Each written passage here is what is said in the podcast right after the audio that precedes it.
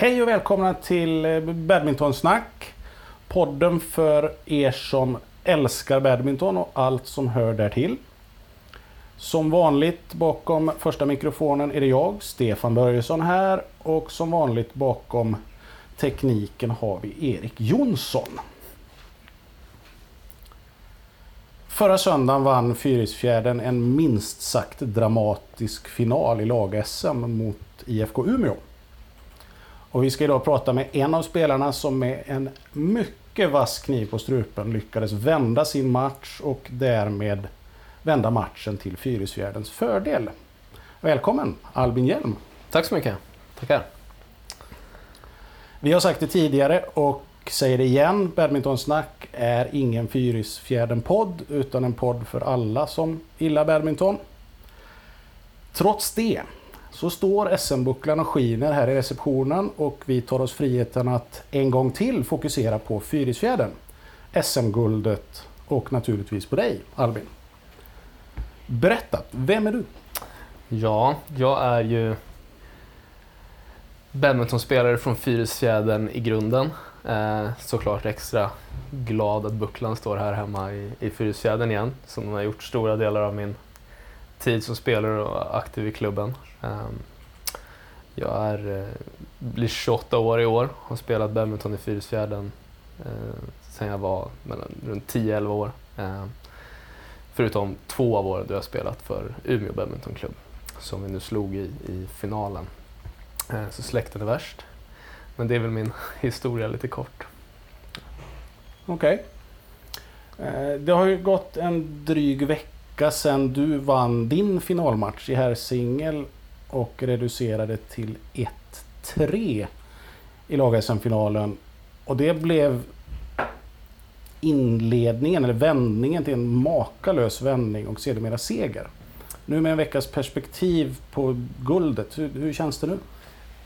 Det känns ju jätteroligt såklart. Um, även, även om det har gått en vecka så, så, Eh, så är det fortfarande liksom, man märker, märker av att det var nyligen vi vann. Ehm, kul att se pokalen stå här i, i, i hallen, när man ser den. Ehm, och framförallt när det var en så, eh, så otroligt jämn och bra final ehm, den hade, hade allt kändes det som. Både för oss spelare men säkert för de som satt och tittade också. Vi var ju väldigt illa ute där. Vi, ville låg under med 3-0 i matcher. Ehm, de hade allt momentum och sen ändå lyckas vända det till 3-3 och sen också vinna ett golden set var ju... Det, det är nog det bästa sättet att vinna en final. Ja, det var, det var mäktigt att titta på även via Solid Sport. Så ja, kul. Men ändå. 0-2 i set. 10-8 i din favör i tredje. Sen tappar du två raka bollar och har då matchboll i din match emot dig och matchboll i lagmatchen emot dig. Hur tänker man då? Um, man, jag, jag, tror folk tänker lite olika när man står men jag, um, jag visste när jag hade 10-8 såklart så visste jag om att förlorar vi den här matchen då kommer vi förlora finalen. Um, men när man spelar då, man vet om det men man kanske inte, man, är så mycket, man har så mycket adrenalin och man, man, man fokuserar så mer på sin egen match. Även om man, det såklart blir lite extra anspänning när man vet att en hel lagmatch står på, står på spel. Um, men jag visste där när jag hade, jag kommer nästan inte ihåg, men var det 10-8 då visste jag ja. att okej, okay, men nu ska jag bara vinna en av de här tre bollarna som, som kommer nu ifall, ifall det skulle bli tio lika. Så jag ska vinna en av duellerna. Um, och gör jag det så då, då lever matchen och så länge matchen lever kan vi vinna. Um, och för varje boll som går där efter tio så blir man ännu mer fokuserad och till slut handlar det bara om att, när det står tio lika sådär, då är för mig handlar det mer om att slå över bollen en gång mer än vad han gör och sen Sen får man ta det därifrån. Liksom. Det är inte så mycket taktik som, som, som är med i bilden då. Hur, hur, känns det att spela mot sin, sin gamla klubb IFK Umeå då, i en final? Eh, lite speciellt såklart. Eh, eh, jag unnar dem den eh, alltså framgången som de ändå haft i år. Det är deras bästa resultat på, på eh, ja, säkert 20-25 år. Eh, och det tycker jag såklart är roligt. Eh, även jag är väldigt glad att vi vann finalen eh, med Fyris. Men det, det, är en jättehärlig klubb. Eh, jag trivdes jättebra i klubben med alla människor där också.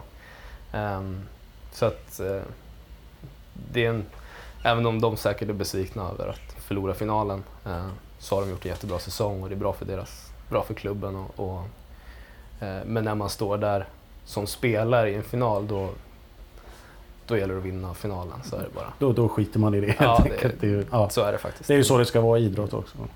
Jag vill säga också all heder till IFK Umeå både för, som jag har sett och för de som har varit där, ett otroligt väl genomfört arrangemang med finalspelet och en Verkligen. otroligt bra prestation i årets serie. Ja. Det är ju lite kul att de har satsat på, jag ska inte säga bara lokala förmågor, men i alla fall bofasta spelare som bor och verkar i mm. Umeå. Det visar sig att det, det fungerar ju bra det också. Precis. Om man tittar på säsongen som varit, om man tittar på hela säsongen, så har den ju för din del varit både upp och ner. Du har i år fått ta ett lite större ansvar och spelat en hel del här singel 1 eftersom Viktor Svensson inte har varit här. Det har blivit förluster mot bland annat Gabriel Oldal och Ludvig Peter Olsson. Men sen kommer en seger mot Gustav Björkler i sista matchen i grundserien. Den matchen var också otroligt jämn. Ser, mm. du, ser du några paralleller med den matchen och matchen mot Johan Aselius? Eh, ja, delvis såklart. Eh, båda matcherna så har jag varit ganska trög i starten. Eh, lyckats vända och vinna eh, båda av dem. Eh, och för varje sån vinst är det klart att man bygger ett större, större självförtroende när det kommer till sådana liksom, situationer i, i framtiden. Att, att um, har man vunnit sådana matcher innan då, då, vet man att det går och att, att det kan göras. Um, så det är, det är såklart att varje sån jämn match eller en match som utvecklar sig på samma sätt, har man lyckats vinna en sån match då, då ger det lite extra mm. Eh, trygghet att, att det går att göra även om man hamnar i situationen en gång till såklart. Um, och som, äh, som säsongen i helhet Ehm, så var det så. Jag var... känns som att för min egen del så har min form blivit bättre och bättre under hela säsongen. Jag gick in i säsongen i höstas efter en ganska lång skadefrånvaro med en axelskada.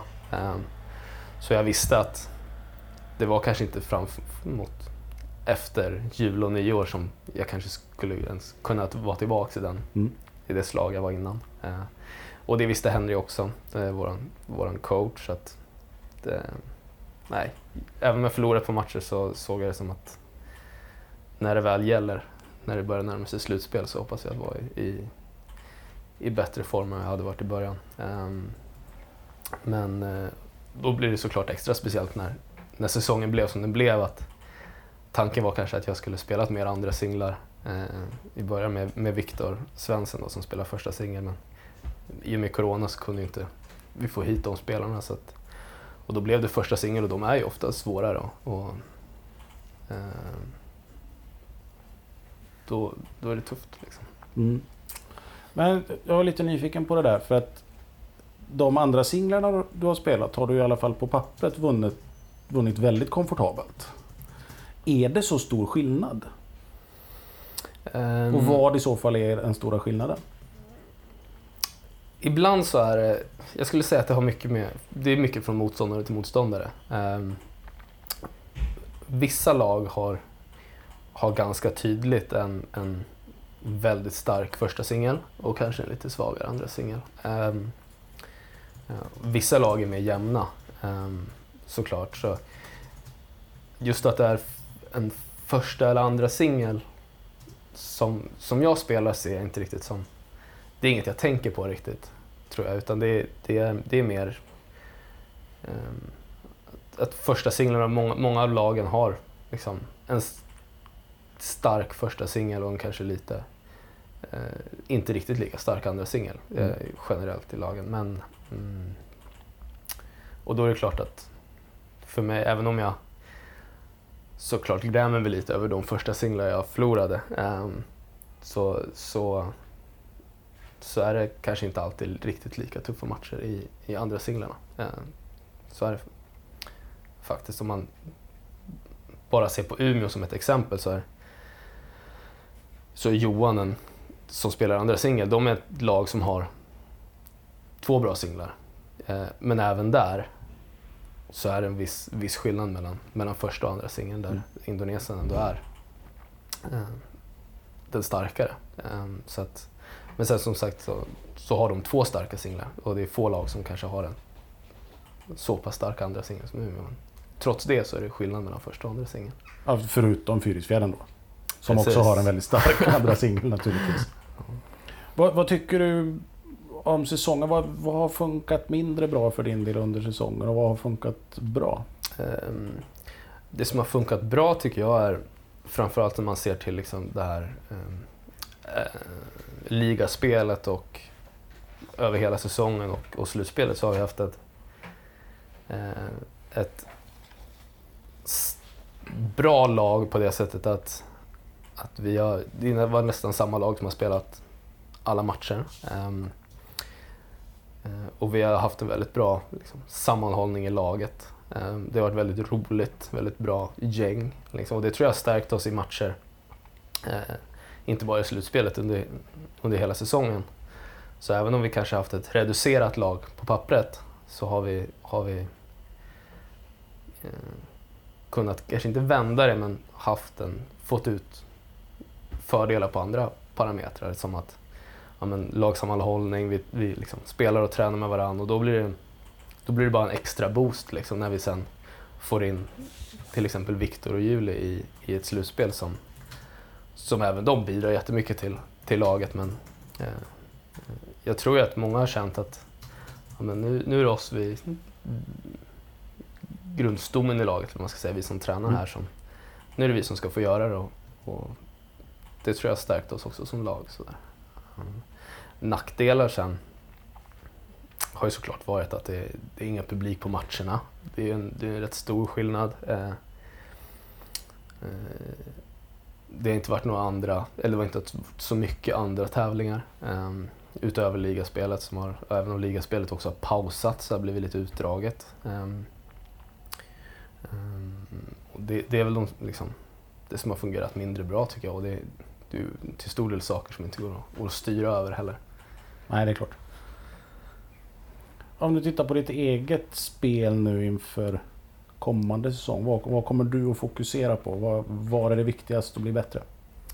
Eh, för min del känner jag nu att, precis som jag sa, så, så efter min, vad ska man säga, min axelskada som var nästan hela säsongen innan nu. Eh, så har det som sagt så har det tagit ganska lång tid innan jag känner att jag börjat ja, men, kunna spela i förhållande till mig själv på en, på en bra nivå igen. Eh, och jag känner fortfarande att det finns mycket, mycket kvar liksom, att jobba med och jobba mot för att liksom, kunna spela ännu bättre till nästa säsong. Så jag hoppas liksom, generellt bara på att kunna dels vara skadefri såklart. eh, kunna få en bra liksom, försäsongsträning och fortsätta bygga vidare på den liksom, eh, utvecklingen som jag känner, känner att liksom, har varit sen nu att jag började spela igen i höstas, kunde börja träna och sen att det har blivit bättre och bättre och att det kan fortsätta bli bättre och bättre. Eh, sen har vi alla vissa liksom, individuella områden som vi, ska, ska, som vi jobbar med och för min del så är det mycket det är mycket jämnhet. Kunna mm. hålla, jag känner att jag kan spela ganska bra men jag har svårt att hålla samma nivå under, under längre perioder, både i matcher och över, över, över tid. Sådär. Så det, det är en stor del för mig att kunna höja min lägsta nivå eller dalar i, i spelet mm, okay. till att hålla det, få en bättre jämnhet. Intressant. Du spelar på Eurocenter sedan ett par år tillbaka. Eh, det har varit lite tunt med herrsingelspelare på Eurocenter de senaste åren. Hur tror du det har påverkat din utveckling? Um,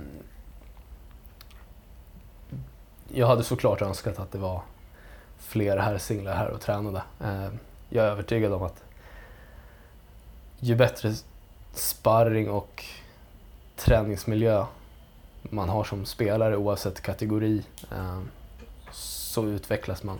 Så är det bara positivt. Ju bättre spelare man har att träna med. Um, och för min del så har det varit stundtals bara jag. Uh, mm. Och då är det klart att det, det, det är tuffare. Um, uh, sen får man göra det bästa av situationen. Um, man, får, man får träna på och göra det så bra som möjligt. Eh, men jag ser verkligen fram emot nu att efter sommar så det, kommer det komma fler här singlar hit. Ehm, och det tror jag är jättebra både för, för de som kommer och för mig. Ehm, så att ehm, det ser jag fram emot, verkligen. Eh, nu har jag haft lite tur att en sån som Andit Sai, eh, som tidigare har tränat på Eurocenter, nu framförallt under våren har varit med och tränat ganska mycket. Eh, och det har, varit, det har hjälpt mig mycket. Eh, mm. Sen är det klart att vi vill ha ännu fler spelare, eh, herrsinglar. Eh, och det, det ser jag fram emot att, att det kommer bli så efter, under och efter sommaren. här. Ja, det låter ju minst sagt positivt och vi hoppas att utvecklingen av Eurocenter fortsätter. Mm. En annan sak, du, du, spelar på Badminton Swedens nationella träningscenter. Du rankar bland de bästa i Sverige. Du har ett färskt lag-SM-guld i väskan, eller i alla fall en pokal som står ute i receptionen. Men samtidigt så förra veckan bjöd jag in dig till en middag. Men du var tvungen att tacka nej på grund av att du skulle jobba. Ja. Hur ser egentligen den ekonomiska situationen ut för en svensk elitspelare i badminton? Um,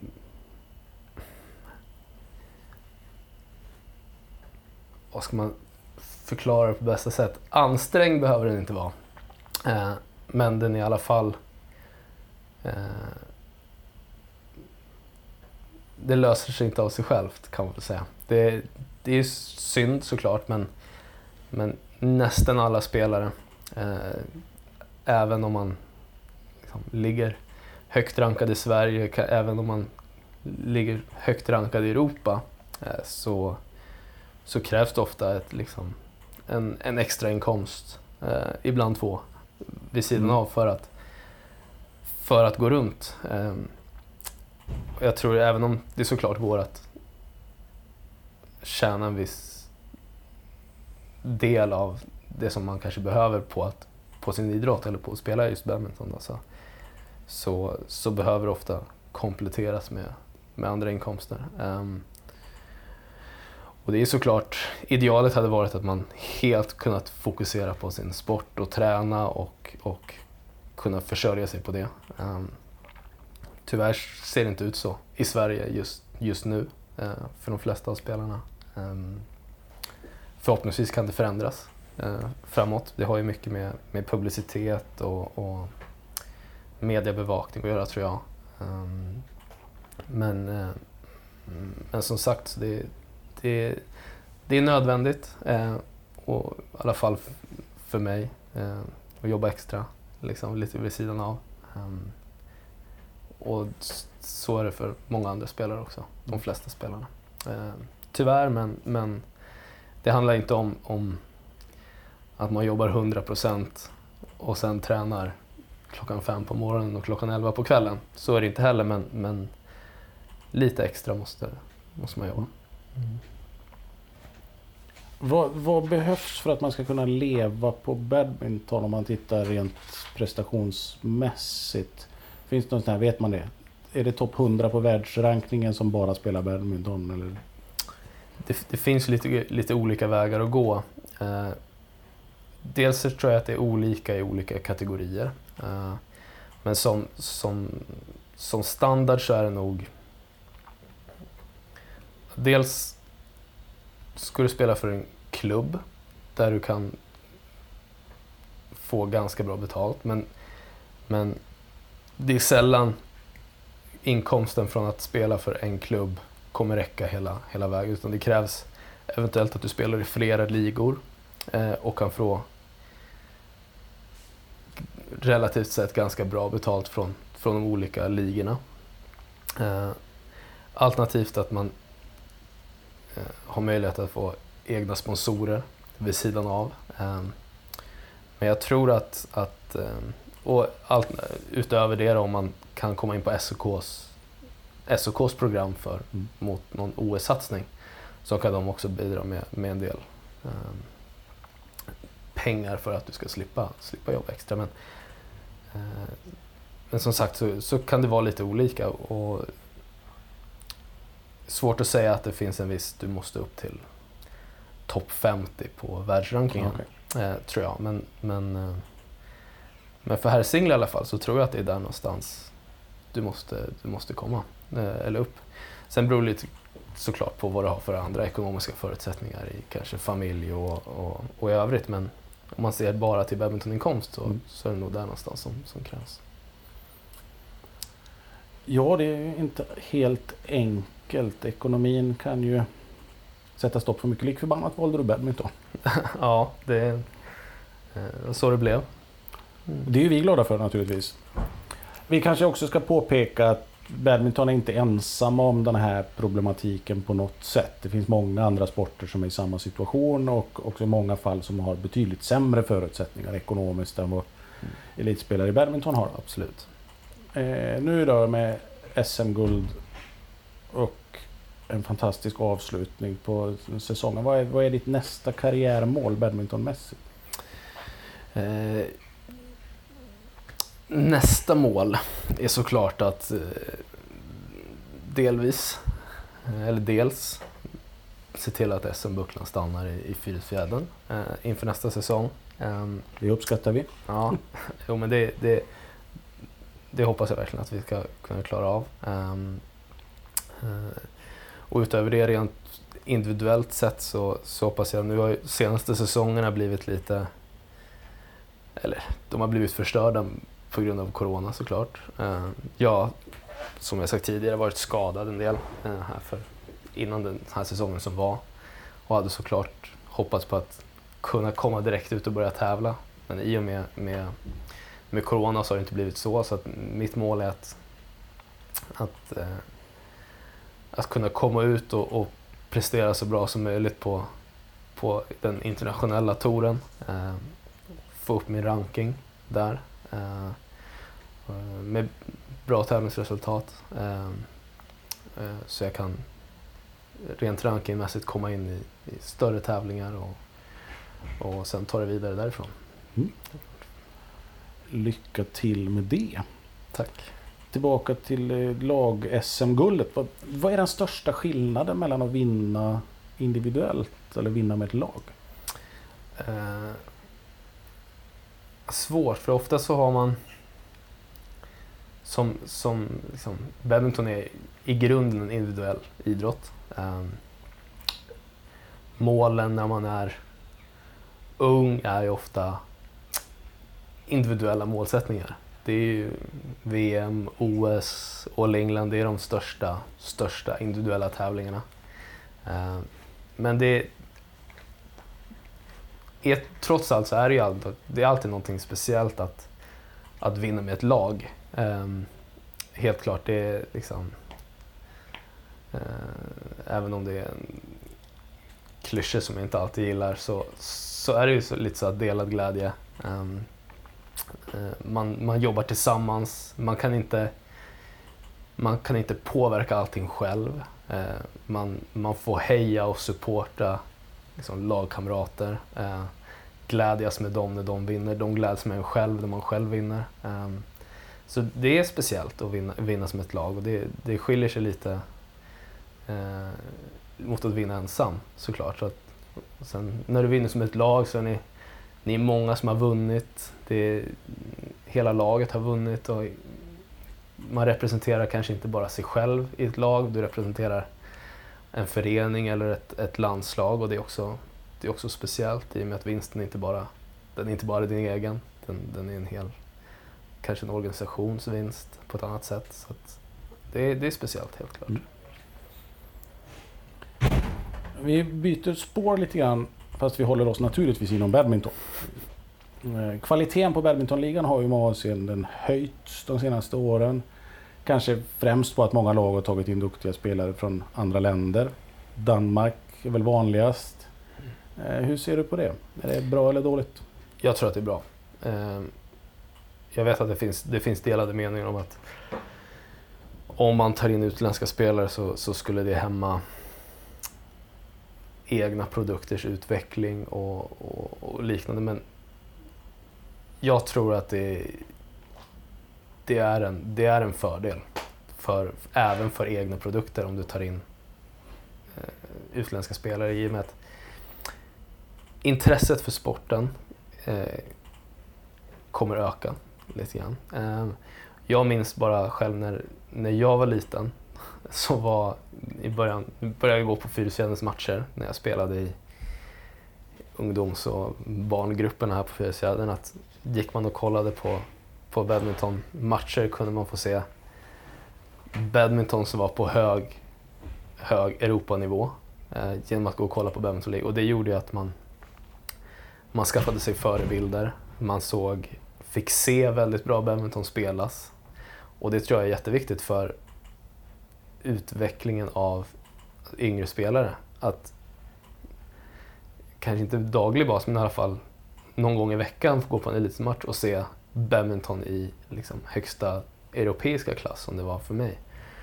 Uh, jag tror att det är jätteviktigt. Uh, för att bara att kunna få se bra badminton spelas gör att du kan utvecklas själv. Och det är en helt annan grej att se det live än att se det på en dataskärm till exempel. Um, och i övrigt så tror jag bara att ju högre konkurrensen blir, eh, ju, så måste du också du måste slå dig in på ett annat sätt i ett lag. Eh, det enda jag tror är viktigt liksom, i, samband, i samband med att klubbar stärker sina lag är att man, att man liksom fortsätter att erbjuda möjlighet för ungdomarna och de som kanske inte riktigt tar plats i laget att ge dem möjligheten att kunna i framtiden ta plats i laget med bra träningsmöjligheter um, och så vidare.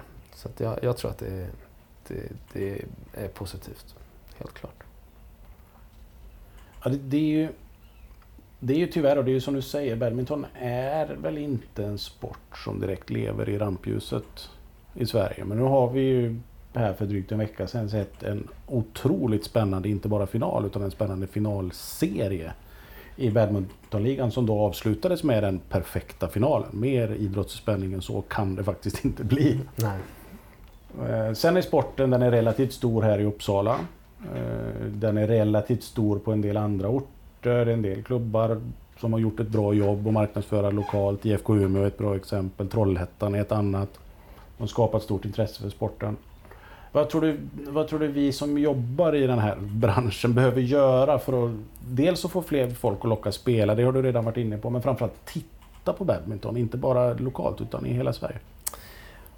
Svår fråga eh, såklart. Ehm, det är många som har suttit och funderat på det, tror jag. Ehm, men jag, rent personligen tror jag att, att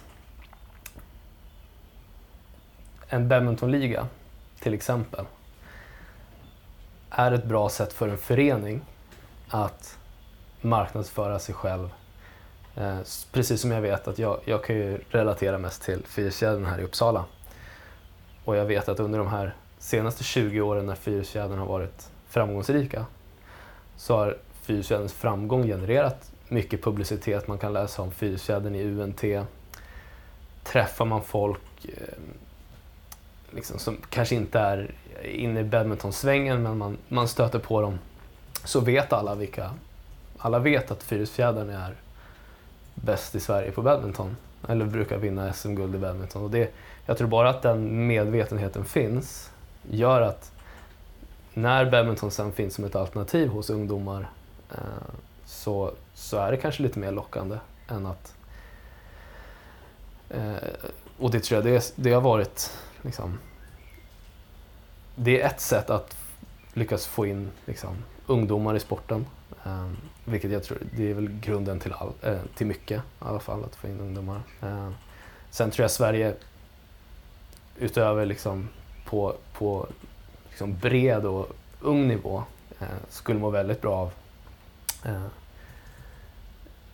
alltså internationell framgång och liksom mer omfattande mediebevakning som kanske en, en, en OS-framgång skulle kunna generera. Man ser bara på när, eh, var det, vet jag inte vilket OS det var, men Lassi Karonen vann väl sitt OS-guld, Mm. har jag för mig att han gjorde. Och helt plötsligt visste hela Sverige vem, vem Lasse Karonen var. Man visste, visste om sporten, man lärde känna sporten lite grann. Och hade badminton kunnat få en sån profil, och sen är det inte nödvändigtvis kanske att ett OS-guld behövs, tror jag också gör mycket för att generera liksom uppmärksamhet och, och liksom, kanske mer långsiktig uppmärksamhet runt, runt sporten. Um, så jag tror att det är det som är viktigt. Och sen såklart att, att klubbar gör vad de kan för att, för att marknadsföra sig själva Uh, liksom, i sina städer eller där de håller till för att, för att locka folk och för att få folk att känna till sporten och komma på matcher och, och liknande. Mm. Vi hoppas att det ligger någonting i generna där hos familjen Karonen. För vi har ju nästa generation här i huset som kommer att bli en otroligt kompetent badmintonspelare en dag. Så att, ehm, eh, ett försök till att öka attraktionskraften för sporten internationellt är ju att det lades fram ett förslag. Jag tänkte jag skulle beskriva det lite grann för de som inte känner till det. Men det lades fram ett förslag till internationella badmintonförbundet, BWFs årsmöte här nyligen om att ändra poängräkningssystemet. Man spelar ju idag på internationella, alla internationella individuella tävlingar i alla fall och en hel del lagtävlingar också spelar man tre set till 21. Och nu var ju då förslaget att man skulle, precis som vi gör i badmintonligan i Sverige, spela fem set till 11. Vad tror du om det?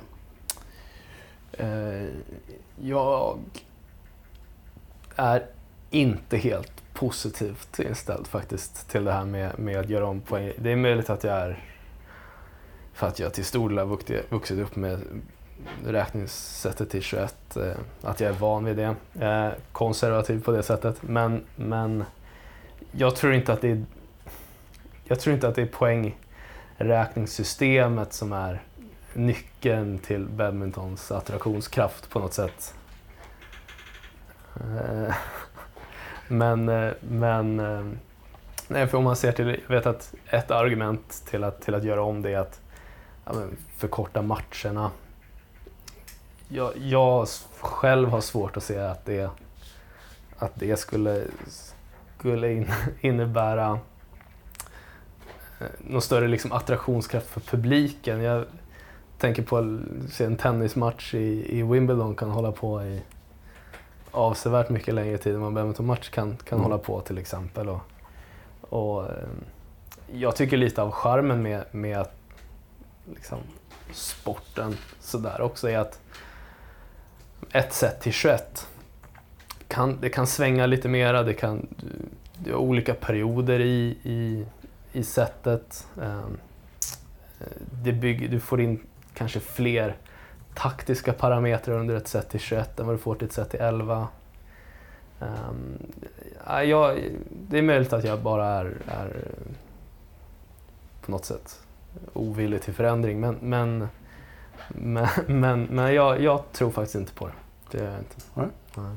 Ja, vi passar väl på nu då eftersom jag vet att vi har en, en tekniker här bakom spakarna som är för det nya poängräkningssystemet. Jag, det är 100% med dig Albin. Jag tycker det gamla är alldeles utmärkt och det är inte det som kommer att förändra sportens attraktionskraft på något sätt. Men samtidigt är det trevligt att man försöker hitta nya vägar och gå framåt i det här. Men vi spelar ju 5 set till 11 i, i ligan. Eller vi, ni som spelar i ligan spelar 5 set Mm. till 11. Jag skulle inte orka spela mer än ett. Eh, kan det vara en vettig uppdelning om att man i lagmatcher spelar 5 till 11 och individuella tävlingar spelar 3 till 21? Ehm, ja, eventuellt. Eh, svårt att säga. Jag, en av nackdelarna, jag, eller nackdelar, det är antingen en nackdel eller en fördel eh, med att spela tävling. Det är att det gynnar favoriten mer att spela till 21. Eh, ofta. Eh, det, det är lättare att, att skrälla till 11. Eh, det går snabbare. Du kan få en lite sämre start på ett set och sen är det helt plötsligt över. Ehm, känns det som i alla fall när man spelar till 11. Ehm, och det kan väl vara, både en fördel och en nackdel beroende på hur man ser på det. Ehm, jag tror ju på något sätt att man ska försöka få till en... Att vid tio lika ska det vara förlängning. Det tror jag är, vore bra att få in. Um, det känns som att om, man, om jag nu ska försöka argumentera för att spela till 21 så, här, så, så när man väl närmar sig här nu 11 till 10 lika, närmar sig 10, 10, 9, 10 lika, eh, så är det den spänning, eh, delen av setet med mest spänning som, som väntar. Och den, den tycker jag gott kan få hålla på lite grann. Det är när det blir förlängning, du måste vinna med två. Du får fler, en längre period av dueller där som, som verkligen spelar roll. Än att det ska vara en avgörande boll och sen är setet slut. Så här. Eh, och det tänker jag kan vara bra för liksom, åskådare och Mm. publik också. Att, att, ja, men, spänningen får fortsätta lite till i sätten. Och det blir mindre, vad ska man säga, slump som avgör. Så. Eh, Men generellt sett spela till 11 i ligan. eh, Bra att testa, se om, om, om man märker att det gör någon skillnad. Eh, ehm, Mer än så vet jag inte. Nej, men det, det är intressanta synpunkter. Jag tror personligen att det som skulle öka attraktionskraften mest för sporten, för jag tror sporten har allt som behövs. Eh, Du behöver vara smart, du behöver vara stark, det är uthållighet, det är explosivitet, det går fort. Nej, allting finns i sporten. Utan jag tror det är hur mediebevakningen ser ut, framförallt filmningen och allt runt den biten på matcherna som behöver förbättras. Vi behöver kunna se, det har redan börjat med på vissa nivåer just hur, hur hårt slår man, hur fort gick det, man ska kunna följa spelare, vad har Anders Antonsen i puls två sista bollarna i avgörande set som man har gjort i många andra sporter. På fotboll kan du följa, följa varje individuell spelare. Du får se exakt hur många meter de har sprungit och så vidare. Och så vidare. Jag tror det är där utmaningen ligger för att marknadsföra sporten på rätt sätt. Nästa säsong. Du tänker väl inte nöja dig med att fortsätta spela Herrsingel 2? Nej. Nej. Nej, det är klart att, att på något sätt så är det ju, är det ju så vill man ju spela Hälsingel 1, såklart. Ehm, men det är också det är upp till mig att bli så bra så att, så att eh, det är jag som spelar Hälsingel 1. Mm. Ehm, på något sätt. Och, eh, det är ju klart att jag hade velat spela Hälsingel 1 och vara en given seger i varje match. Det hade varit den bästa känslan såklart. Men eh, där är inte jag än. Eh, Nej. förhoppningsvis kanske i framtiden. Eh, och det får ju upp till mig, mig att jobba, jobba mot så att säga. Det är definitivt upp till dig. Om Mm. du och Viktor ställs mot varandra här och nu i fem set till 11, hur går det då? Där är ju en sån match där 5 set till 11 hade gynnat mig lite grann i och med att han är favorit. Um, svårt att säga, jag har faktiskt aldrig spelat eller, eller, eller liksom någon riktig ens match på träning mot Viktor. Så jag, han är såklart favorit. Han, han spelar väldigt bra, han har gjort väldigt bra resultat de senaste två åren även internationellt. Ehm, så det är klart han är favorit men jag hade såklart gått in i en match för att vinna. Det gör Mm. jag alltid. Och, och, eh, hade i alla fall tror och hoppas att jag hade kunnat givit att en, en match. är. Det Mm. tror jag. Sen resultatet, eh, jag kan inte sitta här och säga att jag hade vunnit. Det hade Mm. verkat. Men som sagt, han är favorit såklart. Och han, han, han har gjort bra resultat eh, och spelar bra. Så att, eh, nej, helt klart. Viktor är favorit. Mm. Om ett år kanske de orden låter annorlunda så vi får väl passa på att bjuda in dig om ett år igen. Gör det, så ska jag göra vad jag kan. Så har du facit i hand. Ja. Och eh, Viktor, du lyssnar naturligtvis på den här eminenta podden. Håll i hatten. Albert flåsar dig, Albert, Albin flåsar dig i nacken. Hoppas det. Men med de orden så är vi klara med dagens badmintonsnack. Stort tack Albin Hjelm för medverkan. Tack själva. Eh, Kul att vara svenska mästare. Som vi sa, kul för Umeå som har gjort en fantastisk säsong. Hoppas de kommer tillbaks ännu starkare nästa säsong. Och vi i Badmintonpodden kommer naturligtvis tillbaka, inte minst med ett avsnitt om det nya poängsystemet. Och då ska vår tekniker Erik få prata. Ja. Tack för idag. Hoppas ni har tyckt det var kul och hoppas ni lyssnar igen. Hej då!